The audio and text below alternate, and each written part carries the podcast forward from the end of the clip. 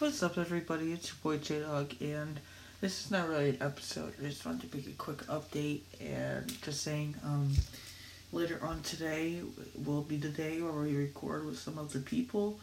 Um, but for right now, it's seven in the morning, but around eleven, maybe twelve ish, we'll record with some people. But for right now, um, I just want to announce that, you know, and I just wanted to make that as a quick update. Um, so yeah, um, I'm looking forward to. I'm looking forward to when that time comes. See ya.